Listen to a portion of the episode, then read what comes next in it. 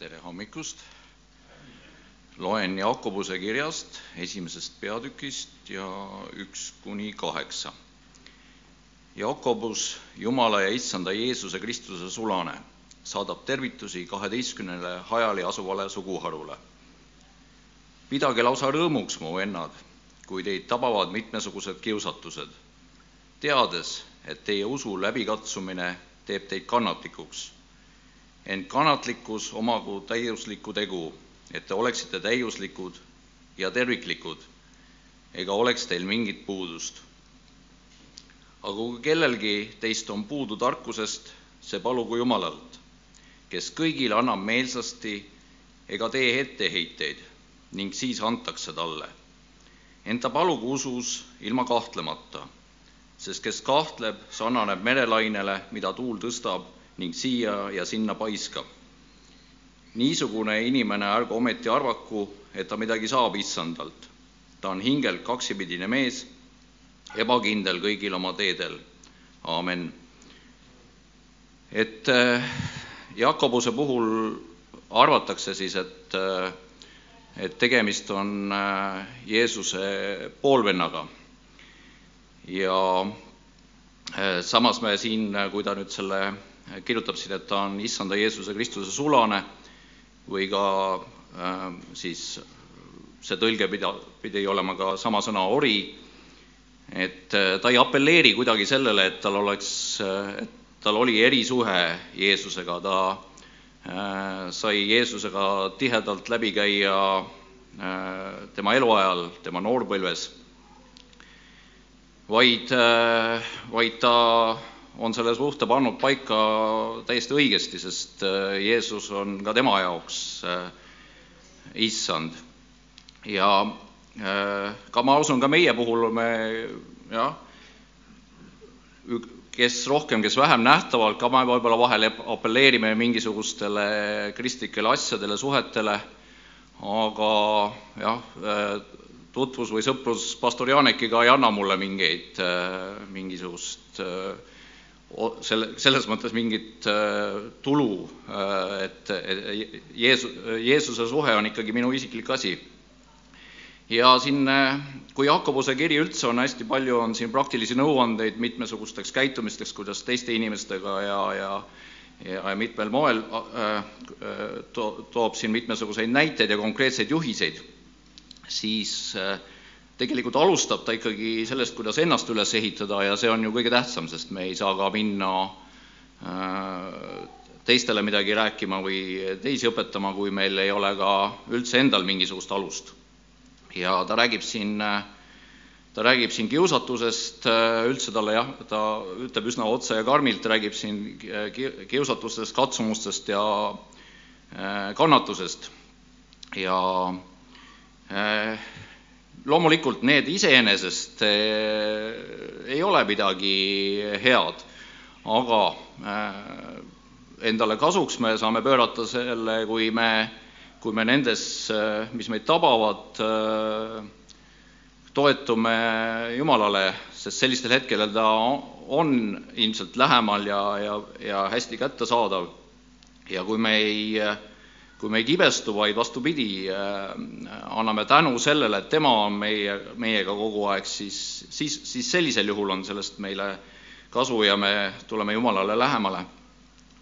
ja kui siin ka räägib äh, tarkusest, siis äh, hiljuti äh, Kuno rääkis, et äh, kui Saalomon palus äh, tarkust, et äh, tema nüüd äh, sai selle nagu kõige targema äh, selle trooni nii-öelda endale ja Kuno saab pürida seal teiseks või kolmandaks, siis ma arvan, et jah, me igaüks peaksime küsima Jumalalt tarkuse, tarkust ja, ja ma arvan, et ka see võib olla, me ju ei võistle, see võib olla ka, ma ei tea, miljon seitsmesaja tuhandes, on ju. kui see ikkagi, see Jumalalt saadud tarkus aitab mul saada Jeesusele lähemale, siis ma arvan, see on täiesti küllaldane ja usu suhtes ma arvan, jah, meil on kõigil mingid momendid, kus me võib-olla kipume olema see merelaine, aga ometi jah, ka me ka, nagu ka Janek ütles, me täna hommikul katsume jällegi saada midagi Jumalalt, et tulla temale lähemale ja äh, saada see kindel usaldus, kindel usaldus, mis aitab meil äh,, aitab meil min-, kõikidest olukordadest läbi minna ja, ja, tulla, tulla talle lähemale. ja jah, sellekski, selleks me just seda tarkust äh, palumegi. jah, minu poolt siis praegu kõik, aamen.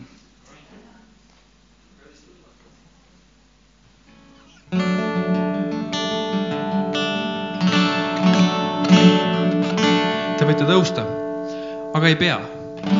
Mina olen kohustatud, sest mul pole siia tooli pandud aga kui te tahate austada Jumalat, siis võime tõusta.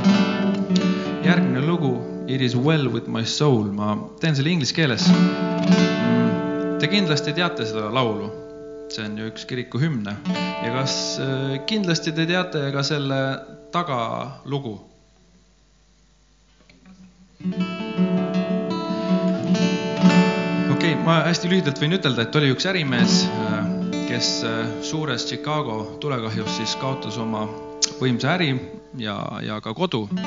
ta oli usklik mees ja ühesõnaga kõik kukkus kokku ja siis ta mõtles, et ta saadab enda naise ja kaks tütart, oli vist kaks tütart, saadab Inglismaale vahe, mingiks ajaks, et ta saaks uuesti nagu jalule. ja see, selle laeva teekonnal sinna Inglismaale see laev läks põhja ja ta kaotas oma mõlemad lapsed. naine jäi ellu ja, ja aina kõik asjad kippusid minema nagu allapoole, allamäge. et väga hull värk. ma ei tea, mis mina teeks, mul on ka kaks tütart. mis mina teeks, kui niisugune asi tuleks, see kindlasti lööks mind ka usus kõikuma ähm,. aga siis see ärimees, ta läks mõtles, et sõidab järgi sinna ja, ja sellel samal kohal seal ookeani peal siis, kus see juhtus, siis ta oli ka palves ja, ja tal tulid need sõnad ja mõtted tema sisse, et ükskõik, mis juhtub, et ikkagi vähemalt minu hingega on kõik korras. lihtne mõte, aga, aga proovi seda järgi teha, kui niisugune olukord on. aga, aga sellest väga kurvast traagilisest sündmusest kasvas midagi väga ilusat tervele maailma kirikule, mis on aegumatu siiamaani. ja niisugune vägev hümn.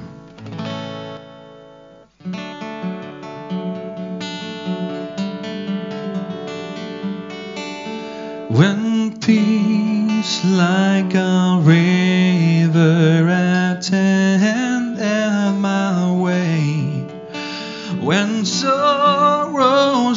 sea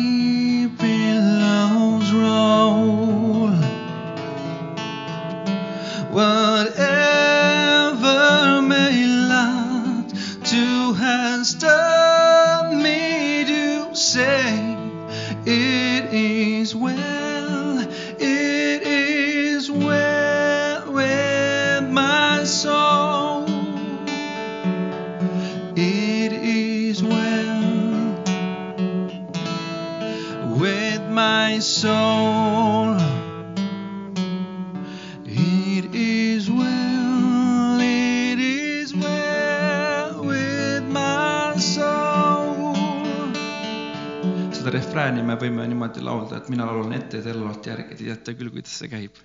It is well, it is well with my soul, with my soul.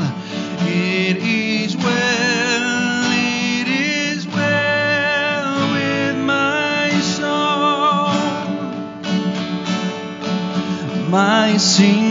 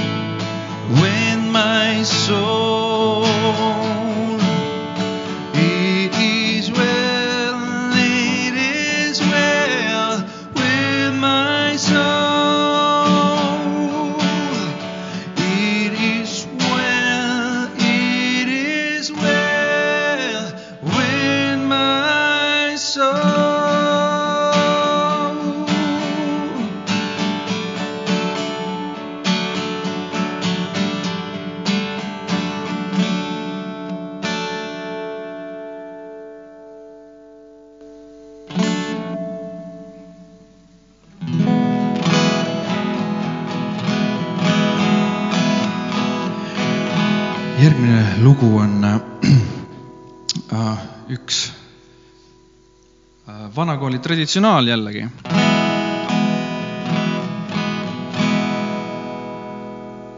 kui pühad koos äh,. algselt see lugu äh, vist on pärit äh, jalgpalli niisuguse klubi äh, lauluna. võib-olla te olete kokku puutunud selle ajalooga. kas keegi teab? ma Raadio seitsmest juhtusin kuulma, sealt ma sain nii targaks et äh, kunagi, kust üldse jalgpalliklubid tulid? Need tulid kirikute juurest, igal kirikul oli oma jalgpalliklubi, sellepärast kui vaadata nende Manchesteri ja Chelsea vappe, siis tegelikult äh, seal on niisugune sümboolika, mis, mis on pärit äh, kirikutest ja kirik, igal siis kirikul ja sellisel kolledžil, mis kuulus sinna juurde, siis nendel oli ka niisugune jalgpalliklubi. et tegelikult see on sellisest asjast välja kasvanud ja ühe klubi nimi oli The Saints pühakud. Ma arvan, et see lugu oli ikkagi niisugune neegri traditsionaal, et ta oli veel varasem ja see nagu liideti kokku seda osa ma täpselt ei mäleta. aga, aga vot äh, selline lugu sellega ja alustame seda lugu ühe teise vana traditsioon, traditsionaaliga, mis on Mind vii kui ingli käel. selle sõnu mul pole, aga te võite laulda järgi. mind vii kui ingli käel, tule kanna koju mind siit, mind vii kui ingli käel, tule kanna koju mind siit. üks hetk paluks, kas keegi siin oskab trummi mängida? on meil mõni trummar siin? no aga siis ta võiks tulla tegelikult siia kohani mängima, sest nendel mõlematel lugudel võiks ka niisugune rütm olla. jess, teeme aplausi nii lihtsalt sain ta siia minuga kaas musitseerima. vedas mul. mind vii ingli käel, tule kanna koju mind siit, mind vii kui ingli käel, tule kanna koju mind siit. aa, meil on klaver ka siin. Kas meil on mõni klaverimängija ka siin või? okei okay,, ma ei hakka nii raskeks ajama. Lähme laulame lihtsalt. meil tuli päris hästi välja. mind vii kui ingli käel, tule kanna koju mind siit, mind vii kui ingli käel, tule kanna koju mind siit. mu ees laiub Jordan ja mida ma näen, tule kanna koju mind siit. inglid taevas mulle andvad käe, tule kanna koju mind siit. mind vii kui ingli käel, tule kanna koju mind siit oh,, mind vii kui ingli käel, tule kanna koju mind.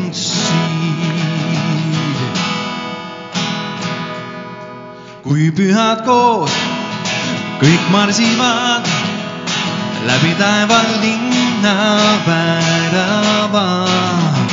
oo Jumal, las mind olla nende hulgas, kui pühad koos kõik marsivad olen üksik palverennuur, tee mul järsk ja vaevane. kuid mu eesmärk suundub ikka sinna, kuhu poole suundub? kus on kodu taevane, kõik koos. kui pühad koos, kõik marsivad läbi taeva linna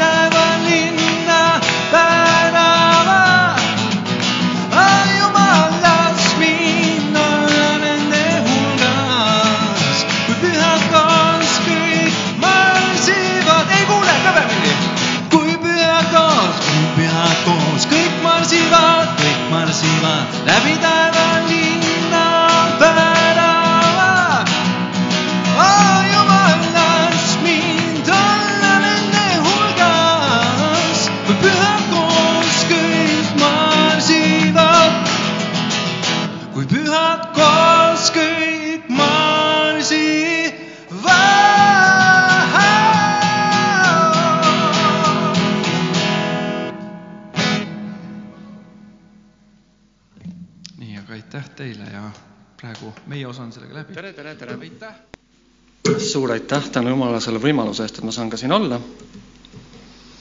ja selle ülistusloo uh, It is well with my soul, selle juures ma jäin mõtlema, et jah, et äh, meie need esimese maailma probleemid on ikka vahest ka päris suured, et äh, mida, mida me endale ette kujutame, et mul oli eile sihuke huvitav päev, kus uh, ei, minu lapsed jäid kõik ellu, minu abikaasa jäi kõik ellu, täiesti lambist suutsin oma auto ära lõhkuda jälle.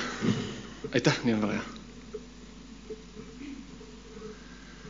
Ja siis ma mõtlesin küll, et no kuidas ja miks ja kuidas asjad niimoodi lähevad ja ja siis saad aru, et tegelikult see kõik on ju teisejärguline, et see pole üldse primaarne, et äh, mingid asjad on palju olulisemad.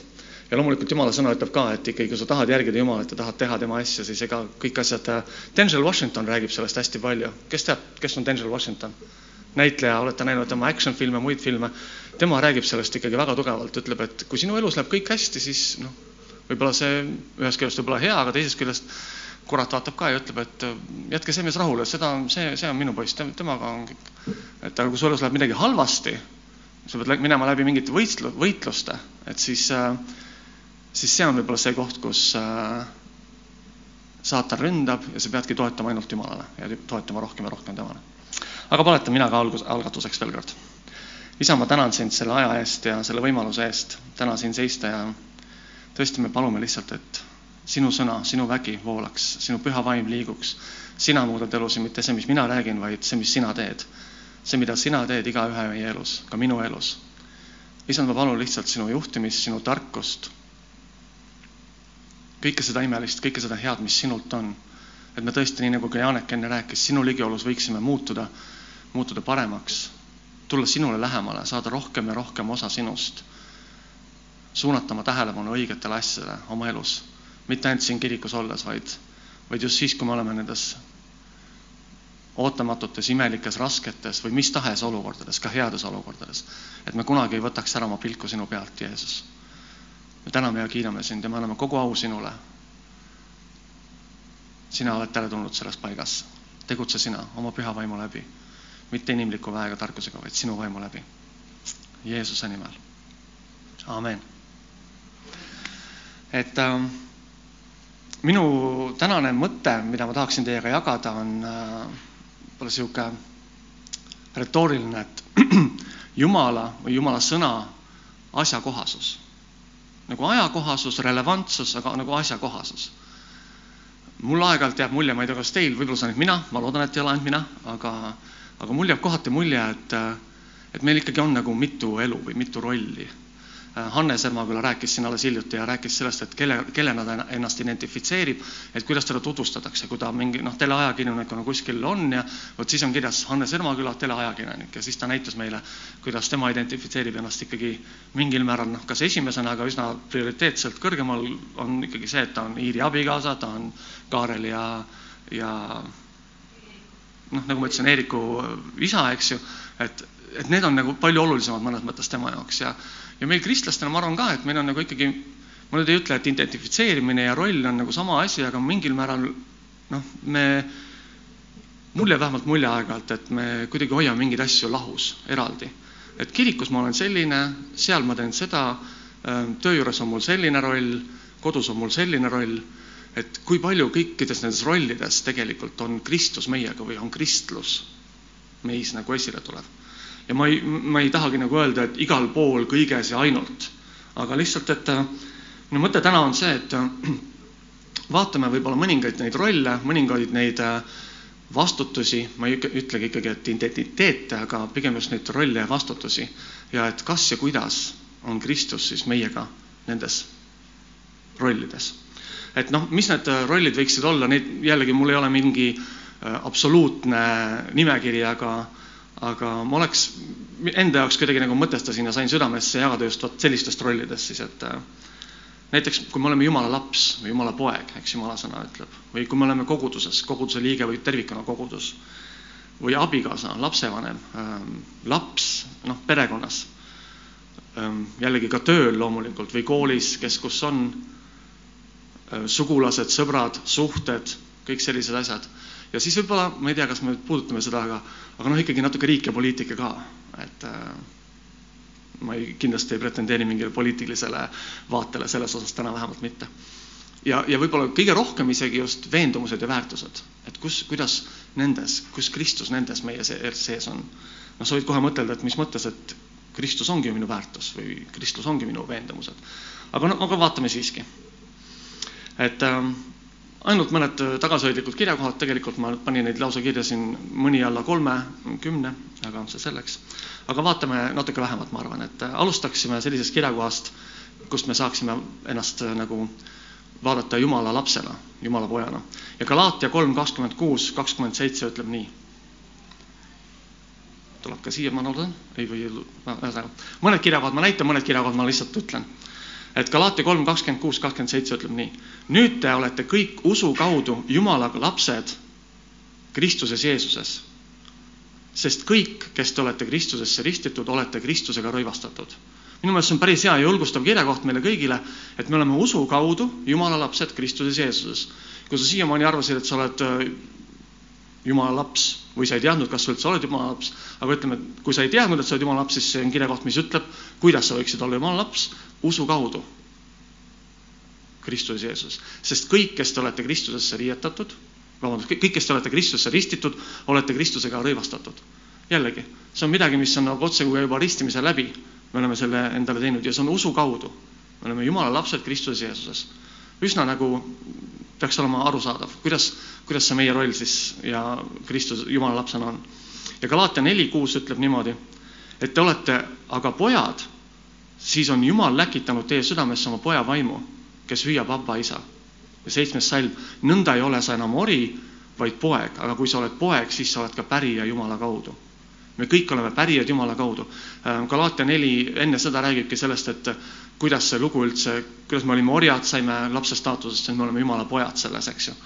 tütred, Jumala pojad, me oleme Jumala lapsed ja temas me, temas on meil täielik selline Jumala issi suhe see on, see on see, kuidas me saame ennast tõesti mõtestada ja identifitseerida isegi, kindlasti ka identifitseerida ja seda rolli omada, see on, see on osa meist.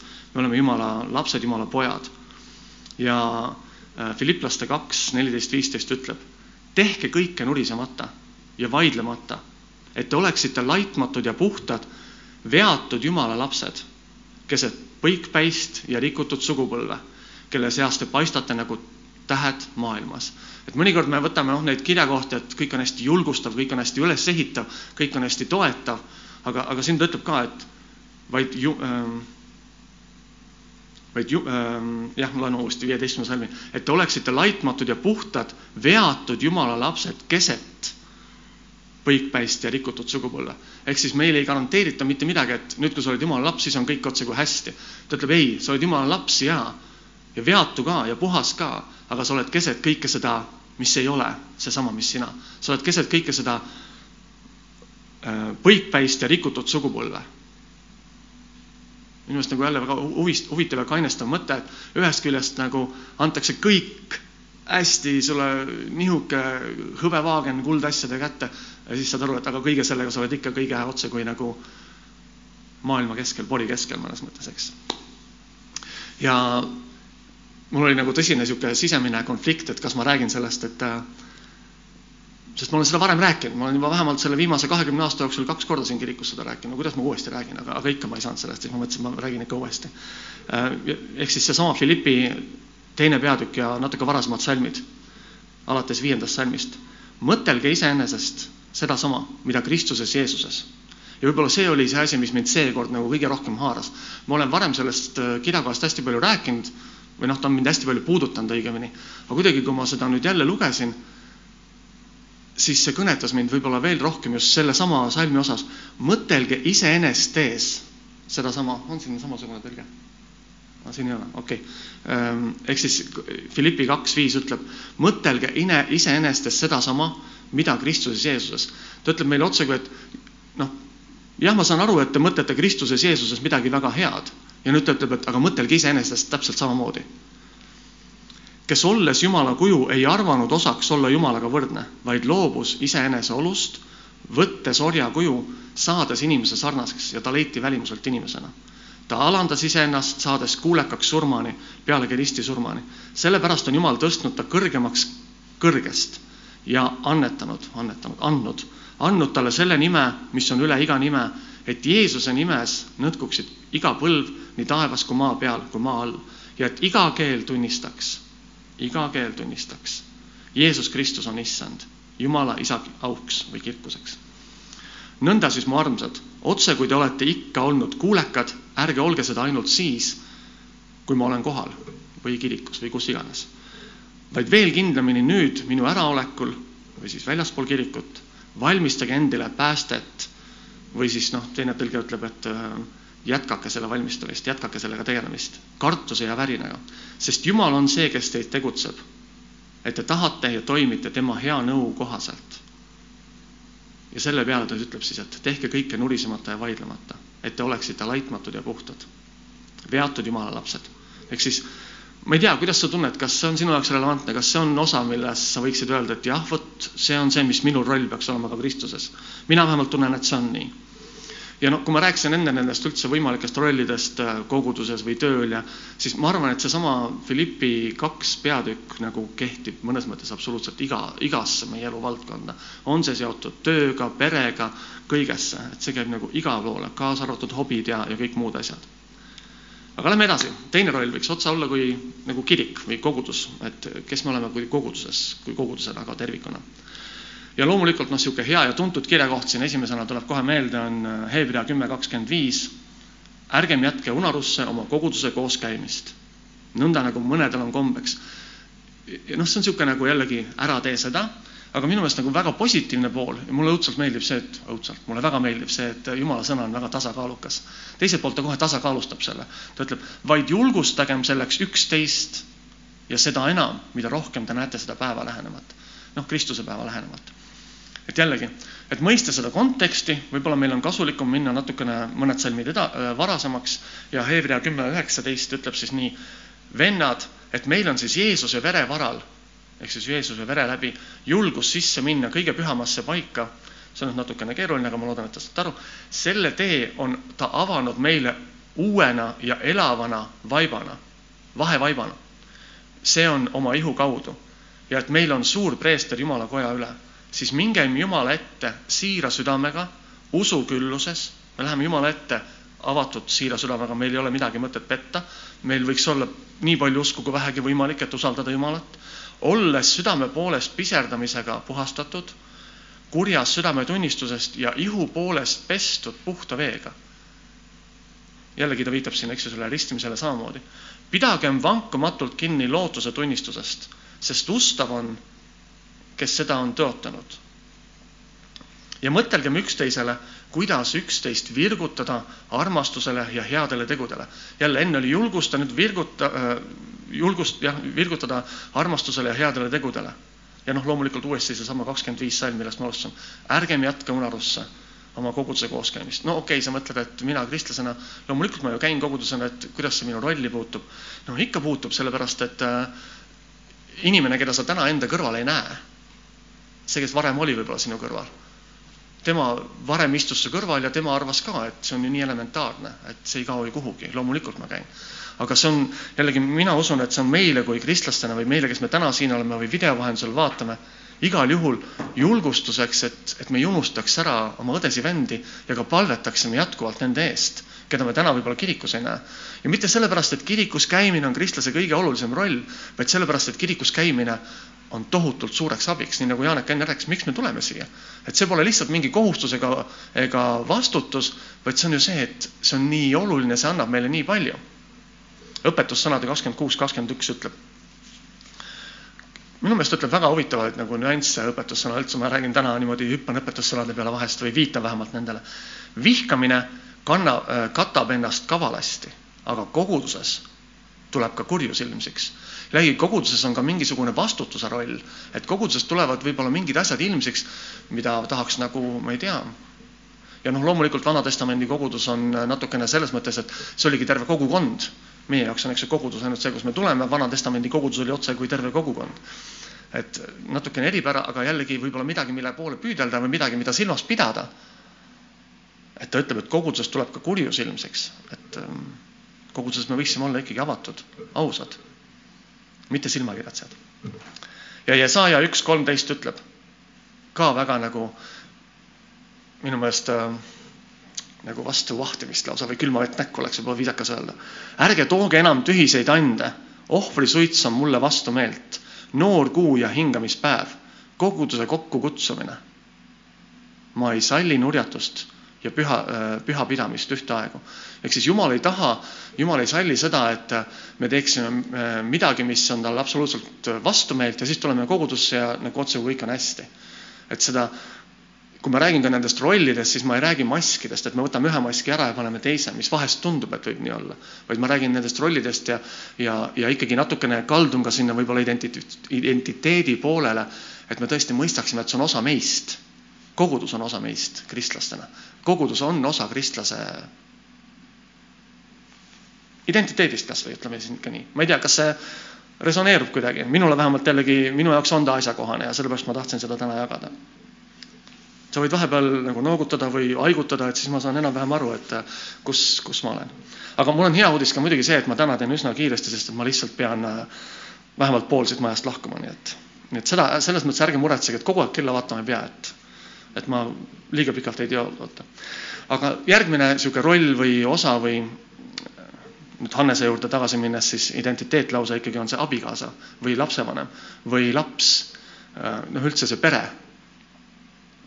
ja siin ma loeksin kõigepealt algatuseks sellise kirjakoha, mis lihtsalt noh, kui ta ei ole lausa terve vundament, siis ta vähemalt on nurgakivi. esimese Moosese üks kakskümmend seitse ütleb lihtsalt. ja Jumal lõi inimese oma näo järgi Jumala näo järgi lõi ta tema, ta lõi tema meheks ja naiseks. et noh, see võiks olla meie nagu niisugune elementaarne nurgakivi al, al, algame sellest. eriti tänapäeva selles, ma ei tea, sotsiaalvasakus maailmas või kuidas iganes seda viisakas oleks öelda, et äh, kus, kus kõik on lubatud ja kõik võivad olla kõik ja nii edasi. aga kirjakoht võib-olla, mida natukene rohkem siin korraks vaadata, on isegi Kolossa kolm äh, peatükk, kolmas peatükk alates kaheksateistkümnendast salmist ja ta ütleb nii, naised, alistuge meestele, nagu on sünnis issandas. keegi tegi kunagi selle kohta päris hea sketši, et kutsus oma mehe, kutsus oma abikaasa enda, naise enda kõrvale ja ma mõtlesin, et äkki ma teeks selle täna siin läbi ka, aga ma mõtlesin, et ma turvalisuse mõttes igaks juhuks oma abikaasaga ei hakka tegema ja kedagi teist ei hakka ka kutsuma, aga see oli umbes selline sketš, et et mees annab juhiseid, et kolm viisi, kuidas oma naist naerma ajada. Et esimene on see, et sa kutsud ta enda kõrvale, silitad ta kätt, teine on see, et sa vaatad talle silma, naeratad ja kolmas on see, et sa ütled talle, et äh, naised alistuge oma meestele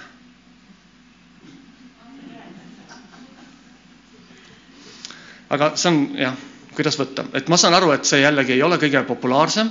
piibel siin ütleb selgelt, see ei ole ka Vana Testament, see ei ole üks kümnest käsust, siin ütleb Paulus äh, kolosslastele. Ähm, see on kirjakoht, mida mina iga hommik oma naisele vastu pead ei tao. Äh, enda turvalisuse mõttes, pereharmoonia mõttes ei ole see kõige mõistlikum, ei soovita ka teistele, ma ei tea, kuidas Janeki ja Kairel on või kellelgi teisel, aga, aga, aga mina ei tao. aga ta ütleb lihtsalt nii, et naised alistugu meestele, nagu on sünnis issandas. Ja issandas ei ole sünnis mitte midagi, mis ei ole mõistlik. Äh, mehed, armastage naisi ja ärge olge karmid nende vastu, see on absoluutselt mulle, et me armastaksime, mehed, me armastaksime oma naisi ja ei oleks karmid nende vastu. Ähm, ma saan aru, et see kontekst on ikkagi sihuke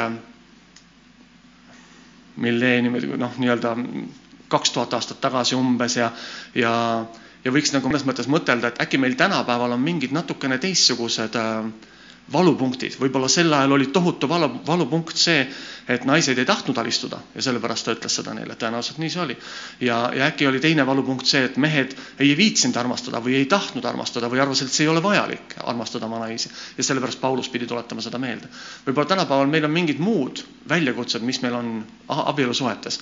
Ja sellest võiks ka kindlasti rääkida oma pikki jutusid, aga põhimõtteliselt, miks ma seda täna jälle siin välja toon, on see, et see on väga oluline roll ikkagi meile kes me oleme perekonnas, kes me oleme abielus, kes me oleme lapsed, vanemad, äh, abikaasad.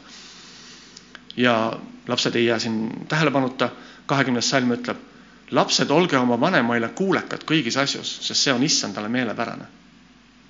ja kahekümne esimene salm lisab veel juurde, isad, ärge riielge oma lastega, et nad ei muutuks haraks meil oli selles mõttes abielus väga äge, äh, meil oli viis last, on ju, noh, nüüd on Regina on juba ka täiskasvanud, et ta enam, mis siin pole keda, pole keda riielda, aga minul ei olnud lubatud riielda, siis meil sai Katrin riielda, sest et seal ei olnud kirjas, et naised ärge riielge või emad ärge riielge, öeldi ainult, et isad ärge riielge.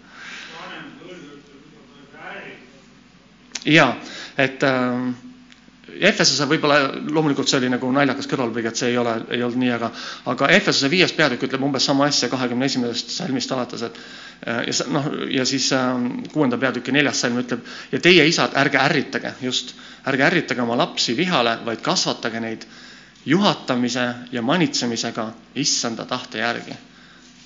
juhatamise ja manitsemisega et jällegi, kas see on relevantne kellelegi või sa mõtled, et see on nii enesestmõistetav, mina arvan, et see on aeg-ajalt hea selliseid asju meelde tuletada ja tõesti võtta see, et, et see on meie kui kristlaste abikaasa, meie kui kristlaste, vabandust, kristlastena lapsevanemate, noh, suur vastutus, suur kohustus, eesõigus samamoodi. ja, ja jällegi nüüd viitan kohe siin, et õpetussõnades on loomulikult kogu selle osa ehk siis abielu, äh, lapse vanemaks, selle kohta hästi palju. noh, minu lemmikuid loomulikult on äh, teadjad teavad õpetussõnad ja viienda peatüki mõningad salmid, aga, aga sellest ma ei hakka täna täpsemalt rääkima. mis võiks olla järgmine niisugune siis kategooria või roll, osa, kus me oleme? olete te ikka veel minuga? kõik on, make ib sense'i kui äh, ma palusin Katrinil ka, et kui ma liiga palju midagi kirja kohta räägin, siis ta hakkaks haigutama või teeks niimoodi, või näiteks mulle niimoodi, et siis, et kui te saate aru, et Katrin vahepeal niimoodi teeb, siis see on sellest, et ma palusin, et ta annaks mulle märku. aga järgmine võiks olla siis äh, meie töö või kool, no ja mõnes mõttes ka mingid ikkagi suhted, et äh, ja jällegi seal on ka nii palju olulist ja kasulikku infot õpetussõnades meil, et mida vaadata.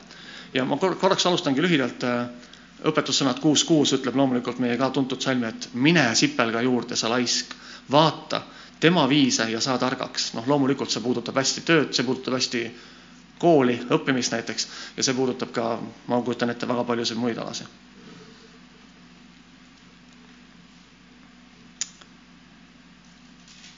seitse kuud tagasi, mäletate, ma käisin siin, rääkisin seitse kuud ja kaks päeva tagasi. kes mäletab, millest ma rääkisin, noh, kellel on meeles? Ma rääkisin tähendamissõna Matteuse evangeeliumist äh, kakskümmend üks, kakskümmend kaheksa ja kolmkümmend üks A siis. aga mis teie arvate, inimesel oli kaks poega ja ta astus esimese juurde öeldes, poeg, mine täna tööle Viinamäele. kuid too kostis, ei taha. noh, kes samastab, kes ei taha samasta. ent hiljem ta kahetses ja läks. siis astus äh, isa teise juurde, öeldes sedasama, ent too vastas, no küll ma lähen, isa või isand, kuid ta ei läinud. Ja noh, loomulikult on küsimus, et kumb neist tegi isa tahtmist. et äh, jällegi, nagu ma tookord ka rääkisin, mind hästi see kirjakoht äh, nagu puudutab või julgustab jätkuvalt ja, ja ma mõtlen selle peale mõnikord, et, et küll ma tahaks ikka igas osas olla see teine poeg, vähemalt. kui mitte nende sümbioos, eks, et ütlen kohe jah, lähen ja teen, lähen teen. mitte, et ütlen, et lähen, aga tegelikult ei lähe või, või ka see, et ütlen, et ei, ei, ma ei taha, noh, eks me võib-olla kristlastena tegelikult samastamegi ennast tihti sellega, et et noh, kes tuleb see trummimängija, Fredi või Leho, ei, ma ei taha, ma ei taha, no hea küll, ma siis tulen, eks. et noh, ja võib-olla meie elus on ka selliseid asju, et me algul ei taha mingeid asju teha, aga me teeme. ja me, see on, see on ka osa meie sellisest jällegi rollist äh, ja, ja loomulikult tööl ka. jumal ju julgustab meid, et me oleksime tööl heas, heaks eeskujuks. noh, võta sipelgast eeskuju kasvõi. ja kui me vaatame veel edasi kirjakohti, teise Thessalonika kolm kümme ütleb, alates kolm kümme ütleb, sest ka siis, kui ma olin teie juures, kui me olime teie juures, käskisime teid, kes ei taha töötada, ärgu ka söögu noh, kus see kuldne trio ikka selle, kes ei tööta, see ei söö, võttis, eks ta ikka siit võttis. ja noh, muidugi Eesti vanasõnad on juba ammu sealt võetud. me kuuleme ju, et mõned teie keskel elavad korratult ja ei tööta, vaid janditavad. Nonii, kes siin janditab, kelle kohta me kuuleme, kes ei tööta? Jumala sõna julgustab, see ei ole Vana Testament, see ei ole kümme käsku, see on Uus Testament, mis ütleb meile täpselt sedasama asja. ja esimese võta Maie eest eeskuju. kui Maie jäi pensionile, tal oli palju vähem vaba aega, kui tal oli töö, tööl käies. seda, seda räägivad penskarid pidevalt. Et jäin pensionile, mõtlesin, et nüüd saan teha kõike, nüüd on vaba aega hästi palju. jäin pensionile, mida ei ole, ei ole vaba aega. ma ei tea, noh, igal kogemus on erinev. ma arvan, et penskarid, äh, nad vist lasevad selle kuidagi nagu vana auru peal edasi, et ei oska lõpetada.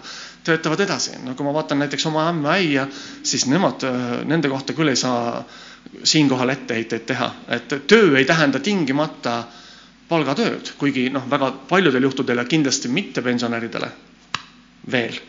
Ta tähendab just seda, et, et ikkagi tuleb tuua leib lauale. jah, Jüri?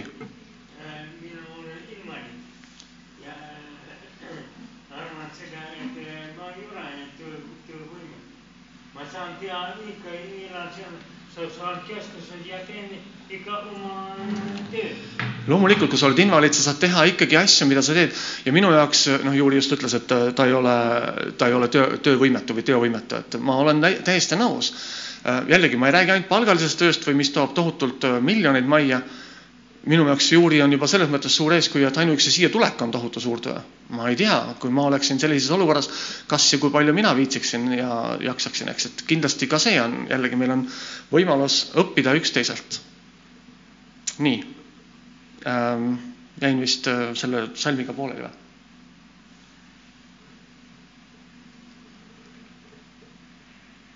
Võtame siis järgmise. esimese korintuse neli, kaksteist, kolmteist ütlevad nii, et ning me näeme vaeva oma käte tööd tehes. kui meid sõimatakse, siis me õnnistame, kui meid taga kiusatakse, siis me kannatame ära. kuid me, kui meid halvustatakse, siis me räägime lahkesti, me oleme maa äh, nagu maailma kõntsaks saanud kõigi jäle, jätiseks tänini. et äh, jällegi natuke tasakaalustav kirjakoht minu jaoks, et ühest küljest jaa, hurraa, töö ja kõik tuleb hästi ja teisest küljest ütleb, et vaatamata sellele maailm ei pruugi sind tunnustada, vaatamata sellele ei lähe kaugeltki nii, et, et kõik ütlevad, et oh küll, sa oled tubli igal pool. ja me ei ootagi seda kõigi käest, me ei peakski seda ootama keegi käest, me peaksime seda ootama ainult Jumalalt. noh, ideaalis muidugi meie ikka pereliikmed võiksid ka meid kiita ja tunnustada vahest, on ju. ja Matteuse viis ütleb nii, et neliteist salmist alates. Teie olete maailma valgus, ei saa jääda märkamatuks linn, mis on mäe otsas. ega süüdata aga lampi ja panda vaka alla, vaid lambi jalale, nii et selle valgus paistab kõigile majas olijaile. nõnda paistku teiegi valgus inimestele, et nad teie häid tegusid nähes ülistaksid teie isa, kes on taevas et jällegi see, selle töö läbi, mis iganes me teeme ja, ja, ja siin ei ole see, et oh küll ma olen tubli, ma julgen tunnistada, et ma olen väga laisk inimene tegelikult. Katrin võib kinnitada. et, et ma hea meelega naudin laiskamist, aga Jumal julgustab meid, mind samamoodi, et me oleksime eeskujuks, et me oleksime valguseks äh, nii tööd tehes, nii evangeeliumi kuulutamises, nii evangeeliumi elamises, kõiges. et me oleksime eeskujuks. ma ei tea, kas see resoneerub, kas äh, see on asjakohane, kas sa tunned, et see käib kuidagi ka, kõnetab sind, mind vähemalt kõnetab. järgmiseks on siis sugulased, sõbrad, hobid, suhted, ma ei tea, ja ligimene. piiblis on ju selline tore, tore nagu väljend nagu ligimene ja kui ma mõtlen selle peale, siis äh, piiblis on nagu mainitud sellist asja sõber või nagu ütleme ligi sada korda Uues Testamendis, seal natuke alla kahekümne korra. ja mis sa arvad, keda võiks äh,, niisugune väike viktoriini küsimus, kes võiks olla su õde ja keda hüüda sugulaseks? õpetussõnad ütleb selle kohta seitsmendas peatükis, neljandas salmis nii. ütle tarkusele, sa oled mu õde ja hüüa arukust sugulaseks okei okay,, see on loomulikult niisugune väike kõrvalepõige lihtsalt, aga et tarkus, kes meil enne just rääkis ka tarkusest natukene siin, eks ju, et tarkus, sa oled mu õde ja arukus on sugulane. Aga kui me vaatame nagu konkreetsemalt äh, neid kirjakohti, siis alustame näiteks Luuka evangeeliumist, kahekümne esimene peatükk. ja kuueteistkümnes salmist ütleb nii. aga ka teie vanemad ja vennad ja sugulased ja sõbrad reedavad teid ja lasevad mõned teist teie seast surmata. noh, see on küll väga julgustav kirjakoht, eks ju. jällegi, meil on mingisugused vastutused, meil on mingisugused rollid ja meile ei garanteerita siin maailmas suurepärasust igasse eluvaldkonda. hakkan tegelema sellega, läheb kõik suurepäraselt, hakkan tegelema sellega, läheb kõik ainult kiidavad ja, ja tänavad. et ei, see ei ole nii. ning teie saate kõik kõikide viha aluseks minu nime pärast, mitte sellepärast, mida sa teed, mitte sellepärast, äh, okei okay,, jah, sellepärast ka, mida sa teed, aga mitte lihtsalt sellepärast, et sina ei meeldi kellelegi, vaid just sellepärast, et sa esindad Kristust ja maailm on sellega konfliktis. Ent juuksekarvgi ei saa hukka teie peast, oma vastupidavusega kann-, äh, kannatustest te pärite oma hinge et see on, minu meelest on see ikkagi päris niisugune julm ja karm kirjakoht ja, ja, ja ma tahtsin ta just tuua si siin sellesama äh, sugulased, sõbrad, suhete, hobide juures on see, et sa võid ju kõike teha ja piibel ütleb ka, kõike võid sa teha, kõigest ei ole kasu, ihulikust harjutusest on pisut kasu. mulle väga meeldib võrkpall ja ma võiksin jätkuvalt rääkida teile võrkpallist nii palju. aga piibel ütleb ka, et sellest kõigest on pisut kasu. Ja piibel ütleb, et ära tee seda ütleb, et sellest on pisut kasu. tege-, keskendu ikkagi sellele, mis on olulisem. ja, ja kui mina otsin ka tihti võimalust kas või võrkpalli läbi ja, ja, ja kõikide muude oma hobide ja sõprussuhete läbi kuidagi evangeeliumit kuulutada, siis see ei garanteeri ikkagi mitte midagi. Roosa on meil muidugi tore näide, selles mõttes, et Roosaga me hakkasime just suhtlema tänu võrkpallile rohkem.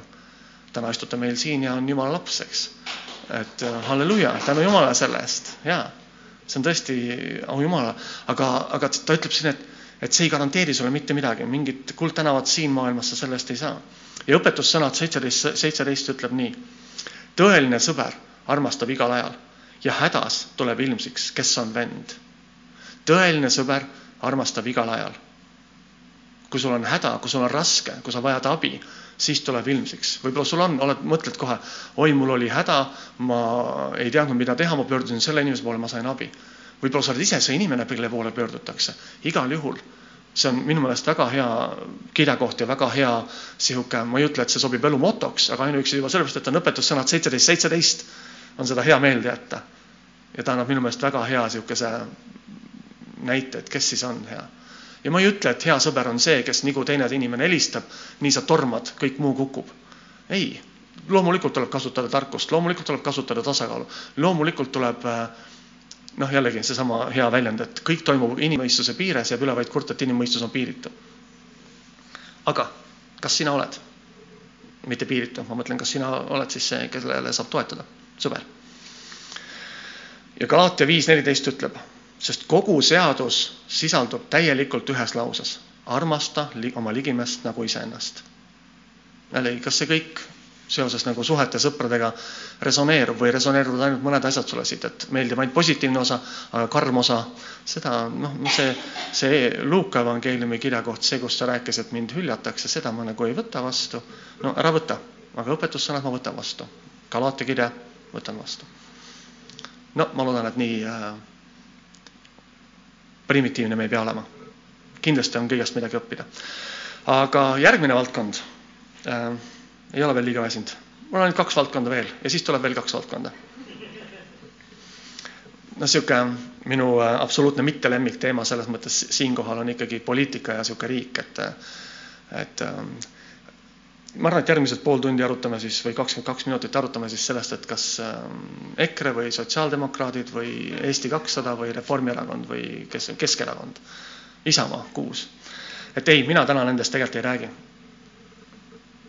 aga mulle meeldib väga esimese Moosesse kakskümmend seitse, kakskümmend üheksa B või noh, nagu lõpposa. neetud olgu, kes sind neab, õnnistatud, kes sind õnnistab. See on väike vihje meile, mida tasub teha ja siin räägib Iisraelist, konkreetselt sellest äh, Jaakobist ehk siis Iisraelist ja, ja loomulikult ka lõpuks tema, tema rahvast ähm,, kuidas tema äh, isa teda õnnistas äh,. ja ta ütleb, neetud olgu, kes sind neab. oled sa kuulnud mõnda inimest, kes räägib halvasti, et küll see Iisrael teeb lollusi, küll nad on ikka nõmedad ja vastikud? karm värk. õnnistatud on, kes sind õnnistab. see on ilmselge vihje meile kui Jumala lastele sinule, minule, õnnista Iisraeli, õnnista juute, õnnista neid. sa ei pea heaks kiitma kõike, mis nad teevad, aga õnnista. sa ei pea olema kõigega nõus, mis nad teevad, aga õnnista. see on sulle kasulik, see on nagu sihuke C-vitamiin. psalm sada kakskümmend kaks kuus ütleb, paluge rahu Jeruusalemma, käigu hästi nende käsi Jeruusalemmale, mis ma ütlesin Jeruusalemma. jah, vabandust, paluge rahu Jeruusalemmale, käigu hästi nende käsi, kes sind armastavad paluge rahu Jeruusalemmale, jälle, see on meile soovitus, meile kristlastena, eriti praegu selles äh, sõjaolukorras. mina ei tea, kes alustas, kes esimesena, kes mida, kus, kes. loomulikult noh, me teame, mis meil meedia ütleb. aga see pole üldse oluline. oluline ja kindlasti on oluline, aga antud kontekstis meie kui kristlase ja Jumala suhtes, paluge rahu, õnnistage ja Jeremiia kakskümmend üheksa, seitse ütleb ja taodelge selle linna heaolu, nüüd me tuleme natuke kohalikumaks. taodelge selle linna heaolu, kuhu ma olen lasknud teid viia või olla siis ja paluge selleks issandat, sest selle hea põli on teie hea põli. jällegi, siin räägib meile vastutusest selles kogukonnas, kus me oleme. meie kui kristlased, meie kui need, kes me oleme. palvetage ähm,, palvetage nende eest ja taodelge rahu. taodelge selle linna heaolu ma arvan, et see on jälle väga hea julgustus. oled sa Tallinnas, on see tänane valitsus, kes meil on, ei, meil ei ole mõtet kritiseerida seda, teist ja kolmandat, loomulikult nad teevad väga palju vigu, väga palju halvasti asju. kas me ise teeksime paremini? ilmselgelt mitte, muidu me oleksime võib-olla seal, ma ei tea. võib-olla teeksime paremini, aga nii kerge on ju kedagi hukka mõista, palju raskem mõista. ja Markuse kaksteist, seitseteist ütleb, aga Jeesus ütles neile. mis ta ütles neile? Keisri oma andke keisrile tagasi ja Jumala oma Jumalale. ja nad imetlesid seda, imetlesid seda, teda. väga jälle tasakaalustav lihtne julgustus. see, mis on keisri oma, see, mis on riigi oma, see, mis on võimu oma, maksa oma maksud, aja oma asi seaduslikult tee, aga Jumalale anna see, mis on Jumala oma. see, mis on Jumalale, see, mis on koguduse, see kõik. ja ma ei räägi ainult Fredi ütles, küsis mu käest enne, kas sa kuulasid mu jutluse ära, nüüd sa ei saa rahast rääkida. sest noh, Fredi alles rääkis rahast. et ma saaksin ikka rääkida, rahast saaks alati rääkida, rahast võiks alati rääkida. ja siin kilekohas tegelikult ei räägi ainult rahast, loomulikult jaa, anna maksud ära ja maksa ka kirikule kümnis ja, ja, ja sellest ma täna ei räägi. siin pigem on just see kõik, kõik sinu eluosad, mitte ainult sinu rahakoti sisu või sinu kartuli põllumaa osa. kas see on sulle asjakohane? minul on. ma loodan, et see on ka sulle relevantne ja, ja selle lõigu nii-öelda viimane osa, veendumused ja väärtused, et viimaks, kuid mitte kindlasti vähim. ma loen kõigepealt Matteuse kümme kolmkümmend seitse, ehk siis millest ma räägin, on ikkagi üldiselt seesama, et kas vahest meie eludes on, ma küsin nagu uuesti selle küsimuse, kas vahest meie eludes on ikkagi neid osasi, mis me otsekui elame, et mina kui kristlane ja siis meil on mingid rollid, maskid, sotsiaalmeediad, muud asjad, mida ma postitan, mida ma vaatan et need on nagu eraldi või lähevad need ja nüüd jätkame siis viimasega selles osas. Matteuse kümme kolmkümmend seitse. kes isa või ema armastab enam kui mind, see ei ole mind väärt ja kes poega või tütart armastab enam kui mind, see ei ole mind väärt. see on ka niisugune päris hea külm vesi ämbrit. vaata, mis see mõttes väärtused, mis mõttes äh, veendumused. aga see ongi jälle meie hoiak meie kristlasena et ta ei ütle, et ära armasta, ta ei ütle, et vihka, ta ütleb, kes armastab enam kui ehk siis meie mis iganes, kui palju ma võrkpalli armastan, kui palju ma oma naist armastan, kui palju ma oma lapsi armastan, mis iganes asja või muusikat või millegi iganes tegemist, teenimist armastan. enam kui mind, siis on see probleem.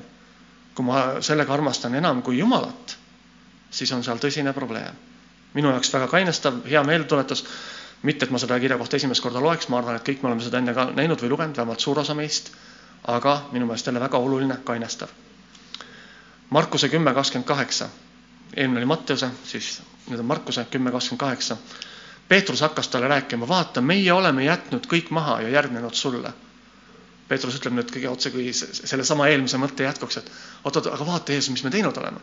Jeesus ütleb talle, et nii mõneski kohas Jeesus vastab nagu huvitavalt ja ootamatult. ühest küljest ta ütleb Peetrusele, et tagane minust saatan.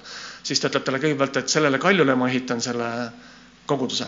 ja siin ta ütleb tõesti, ma ütlen teile, kahekümne üheksas salm, ei ole kedagi, kes on maha jätnud maja või vennad või õed või ema või isa või lapsed või põllud minu pärast ja evangeeliumi pärast, ega saaks vastu nüüd sel samal ajal saja võrra maju ja vendi, noh nagu Hiobi lugu, ja õdesid ja emasid ja lapsi ja põlde, noh, ma ei tea, kas me nüüd põlde tahame nii palju, aga kellele anti siin tagastamisel maid ja metsi tagakiusamise kestelgi ning tuleval ajastul igavest elu.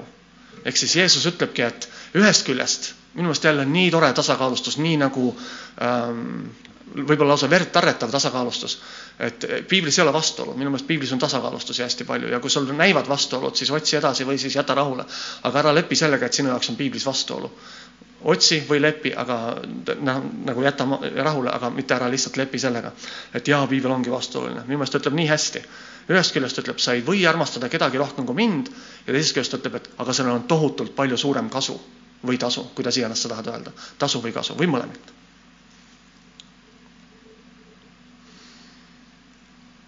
Ja kolmekümne esimene salm sealsamas Mattiuse kümme ütleb nii, aga paljud esimesed jäävad viimaseks ja viimased saavad esimesteks et jah, see on ka niisugune huvitav nagu kainestus siia veel juurde, et et see ei ole asi, mida me lihtsalt peame niisama püüdlema. peame tagama seda, et me tõesti armastame Jumalat, tema on meil esikohal. ja see on siis meie väärtuste, meie veendumuste osas. Me võime, meil võib olla veel väga palju muid väärtusi, väga palju muid veendumusi, kindlasti. ma ei tea, kas see resoneerub, tundub asjakohane, minule jälle tundub, aga nad ei tohi olla vastuolus sellega, mis on Jumal, kes on Jumal meie jaoks nii, ma arvan, et ma hakkan sellega lõpetama. Ähm, mul tegelikult oli, äh, võib-olla lõpetuseks ühe asja veel ütlen ikkagi ära. et äh, ma mõtlesin ka rääkida täna Toidupangast, aga ma ütlen Toidupanga kohta võib-olla ainult lihtsalt äh, lühidalt, et ma ikkagi võib-olla järgmine kord räägin näiteks lihtsalt mingi tunnistusena natukene Toidupangast.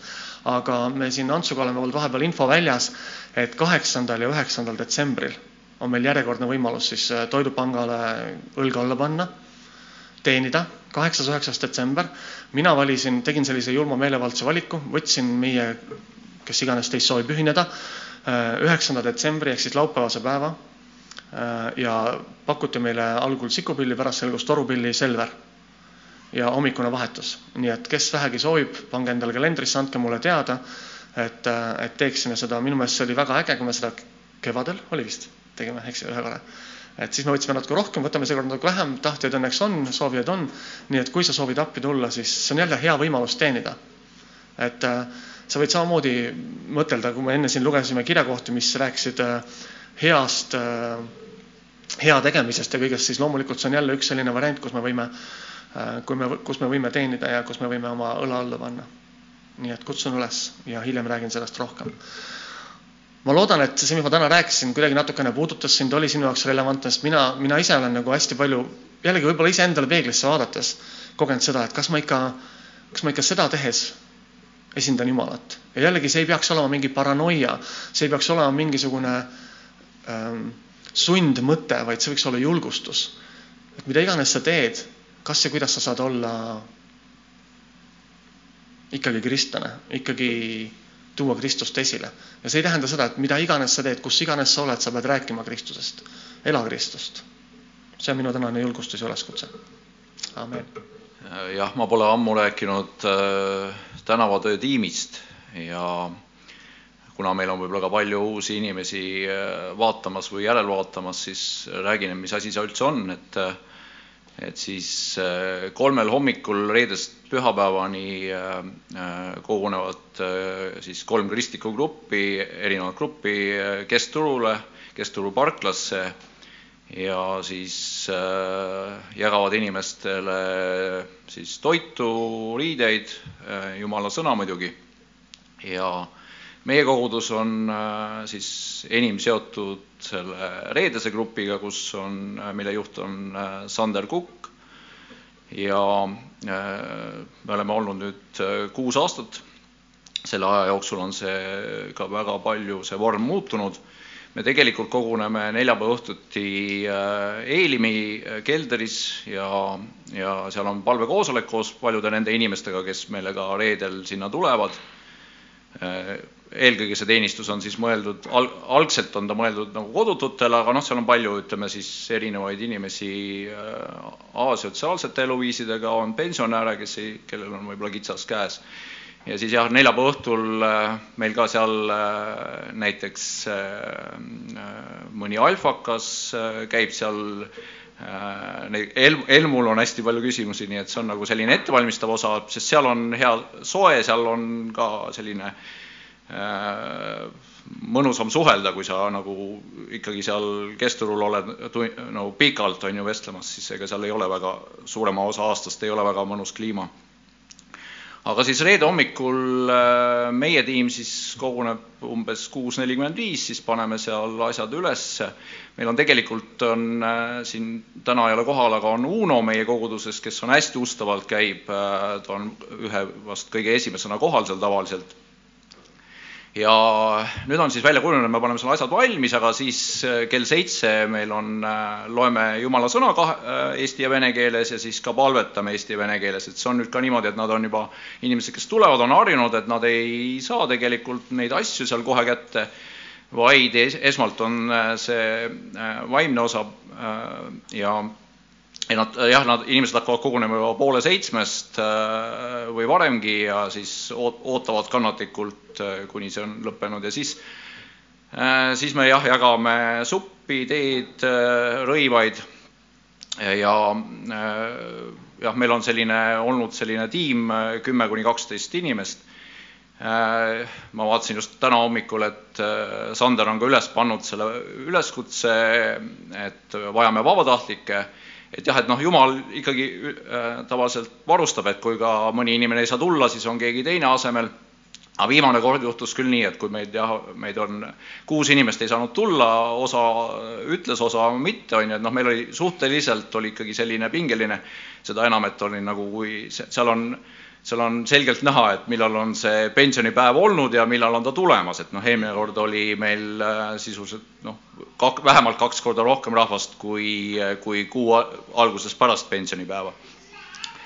ja äh, nii, et äh, ütleme jah, me muidugi saame ka need asjad seal ikkagi tehtud, aga noh, seal kui Sander, kes ikkagi on võib-olla see üks põhiline eestpalvetaja, peab ka ainult suppi jagama, et ta ei jõua muuga tegeleda, et siis sest noh, me eraldi ka palvetame ja inimeste eest, kes soovivad.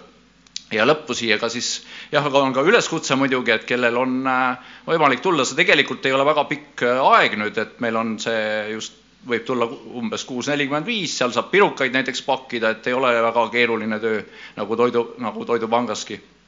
ja Äh, umbes poole kaheksani on see nagu see kõige nagu tihedam periood, kus siis, äh, kus me siis saame juba suure osa jagatud seal. aga lõppu ka väike tunnistus just äh, viimasest korrast, et hoolimata sellest, et seal oli pingeline, siis ikkagi jah, oli ka selline, on ka selline tunnistus, et minu juurde tuli seal lõpupoole üks mees, ma tean teda juba mitu aastat, nüüd ei olnud pikka aega näinud, Arv, Arvi nimeline ja ütles, et, et ta tuli täiesti äh, äh, haigete jalgadega, jalad valutasid äh, ja te, et äh, vennad palvetasid minu eest ja, ja sain äh, ja jalad nüüd enam ei valuta, saan täiesti ilusti käia. ja selle ja, ja siis äh, mina ütlesin selle peale ka tänu Jumalale, enda meelest mitte apaatselt, ma omalt äh, öelda sellise ikkagi nagu noh, tõsiselt, on ju, aga ta, ilmselt talle kuidagi kõlas see teistmoodi, juhul ütles, et Ants, sa ei saa aru, see juhtus päriselt nii. Et vennad palvetasid, et ma olin haige ja nüüd sain terveks, et äh, tänu Jumalale, jah